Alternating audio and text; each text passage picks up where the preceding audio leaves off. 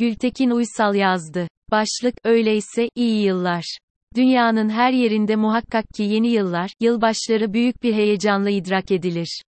Adı üzerinde, yeni bir yıl.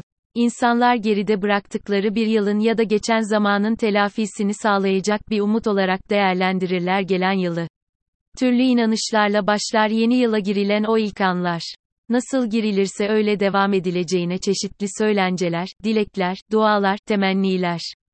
Piyangolar, çekilişler de bu minval üzeredir. Yeni, sözcüğü TDK'da çeşitli anlamlarla açıklanıyor. Eskisinin yerine gelen, en son edinilen, kullanılmamış gibi anlamları var, fakat bence daha çok bir umut anlamı taşıyor, hele bir zamanı nitelemek için kullanıldığında. Bir hafta önce biz de olağan biçimde, yani alışkanlıklar üzere karşıladık yeni yılı ve fakat ciddi bir farkla. Farkı da sadece biz hissetmedik, dar bir zümre dışında ülkede yaşayan herkes hissetti. Daha zor, daha sıkıntılı, daha sorunlu bir yıl geldi.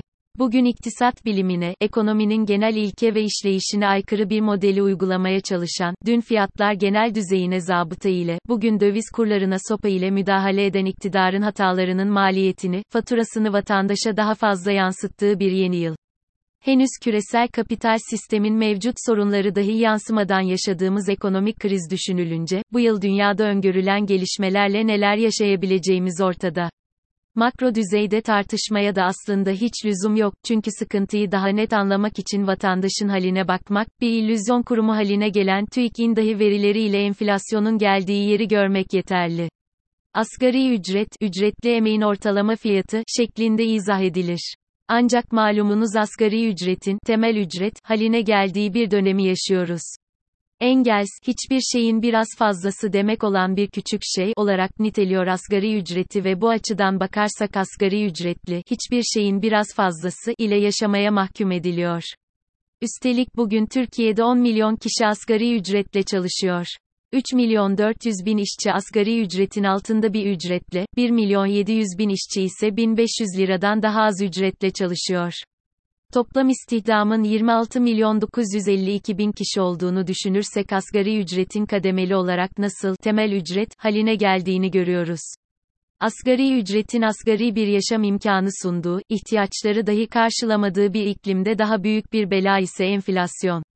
Yıllardır AKP Genel Başkanı ve ekonomi kurmaylarını memnun etme merci haline gelmiş, sair kurumlar gibi propaganda aracına dönüşmüş TÜİK'in manipüle edilmiş rakamları dahi sorunu ortaya koyuyor. Her gün gelen ancak iktidara yakın basın yayın kuruluşları tarafından değerleme olarak adlandırılan zamlar katlanılmaz hale gelmiş vaziyette. İşin kötüsü devam edecek gibi görünüyor. Gelen gideni aratacak zar. Bu yıl tek gündem elbette ekonomi olmayacak ancak ekonomi diğer gündemlerinde yapı taşı haline gelecek. Örneğin diğer bir önemli mesele seçim olacak kuşkusuz. Bertrand Russell, zenginler yoksulları dikkate almadan yönettiği zaman oligarşi, iktidar muhtaçların elinde olduğu ve muhtaçlar zenginlerin çıkarlarını umursamadıkları zaman demokrasi olur. Diyor. Bugün tam da böyle. İktidar, geçmişte yaşadığı fukaralığın acısını milletin servetine göz dikerek çıkarmaya çalışan bir kadronun elinde ve şüphesiz artık zenginler. Yoksulları da dikkate almıyorlar. Dikkate aldıkları tek şey, tek bir kişinin bugün ve yarın için güvenliği. Bunun için hırçınlar ve en iyi defansın, ofansif davranarak gerçekleşeceğini düşünüyorlar. Saldırganlar. Kendileri, bir erken seçim yok deseler de zamanından önce seçim yapılacağı açık. Zaten bugün, dövize endeksli mevduat diyerek başlattıkları ve havuç sopa taktiğiyle başarı göstermesi beklenen modelde seçim temelli. Ayrıca tarihlerinde verdikleri en büyük zam tutarıyla asgari ücret hakkındaki tasarrufları da bir PR aracı. Gerçi ne derece erittiklerini bildiklerinden böyle bir irade göstermek zorunda kaldılar ya. Hülasa bu yıl gündem, ekonomi temelli bir seçim telaşı olacak. Ancak ekonomik sorunların yanında şüphesiz demokratik sorunları da en derin şekilde yaşayacağımız bir yıl bizleri bekliyor. Daha birkaç gün önce AKP Genel Başkanı Erdoğan 15 Temmuz'a atıfla şöyle sözler söyledi, utanmadan sıkılmadan sokaklara döküleceklermiş, meydanlara döküleceklermiş. Nokta. Siz 15 Temmuz'u görmediniz mi? Nereye dökülürseniz dökülün, 15 Temmuz'da sokağa dökülenlere bu millet nasıl dersini verdiyse, siz de dökülün siz de aynı dersi alırsınız.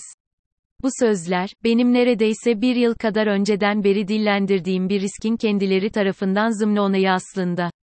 Öngörüm, iktidarın seçime yaklaştıkça, seçimi kendisine kazandıracak legal illegal tüm araçları, meşru olmayan yöntemleri de deneyeceği yönünde.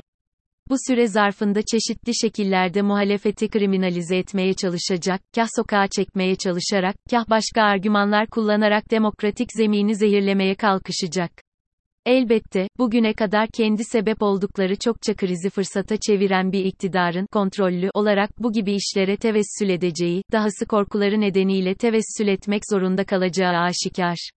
Yargıyı arka bahçesi haline getirmiş, kolluk kuvvetlerine hakim ve parti devleti olanakları ile başarıyı kaçınılmaz gören bir zihniyetin başka neler yapacağı meçhul. Sadece geçmişte yaptıkları, mazisi bir çıkarımda bulunmaya yetebilir. İşin özü siyasetin demokratik bir krize sürükleneceği, ekonomik krizin en ağır şekilde hissedileceği bir yeni yıl olacak gibi görünüyor. Aksi temennilerle başladığımız bir yılın maalesef görünümü bu. Bizlerin üzerine düşen özellikle bulunduğumuz sahada, siyasetin demokratik bir çıkmaza sürüklenmemesi adına tüm gayreti göstermek kuşkusuz. Ve temennimiz tüm bu öngörülerin yanlış çıkacağı, sorunları, sıkıntıları geride bırakacağımız bir yıl olması. Öyleyse, iyi yıllar.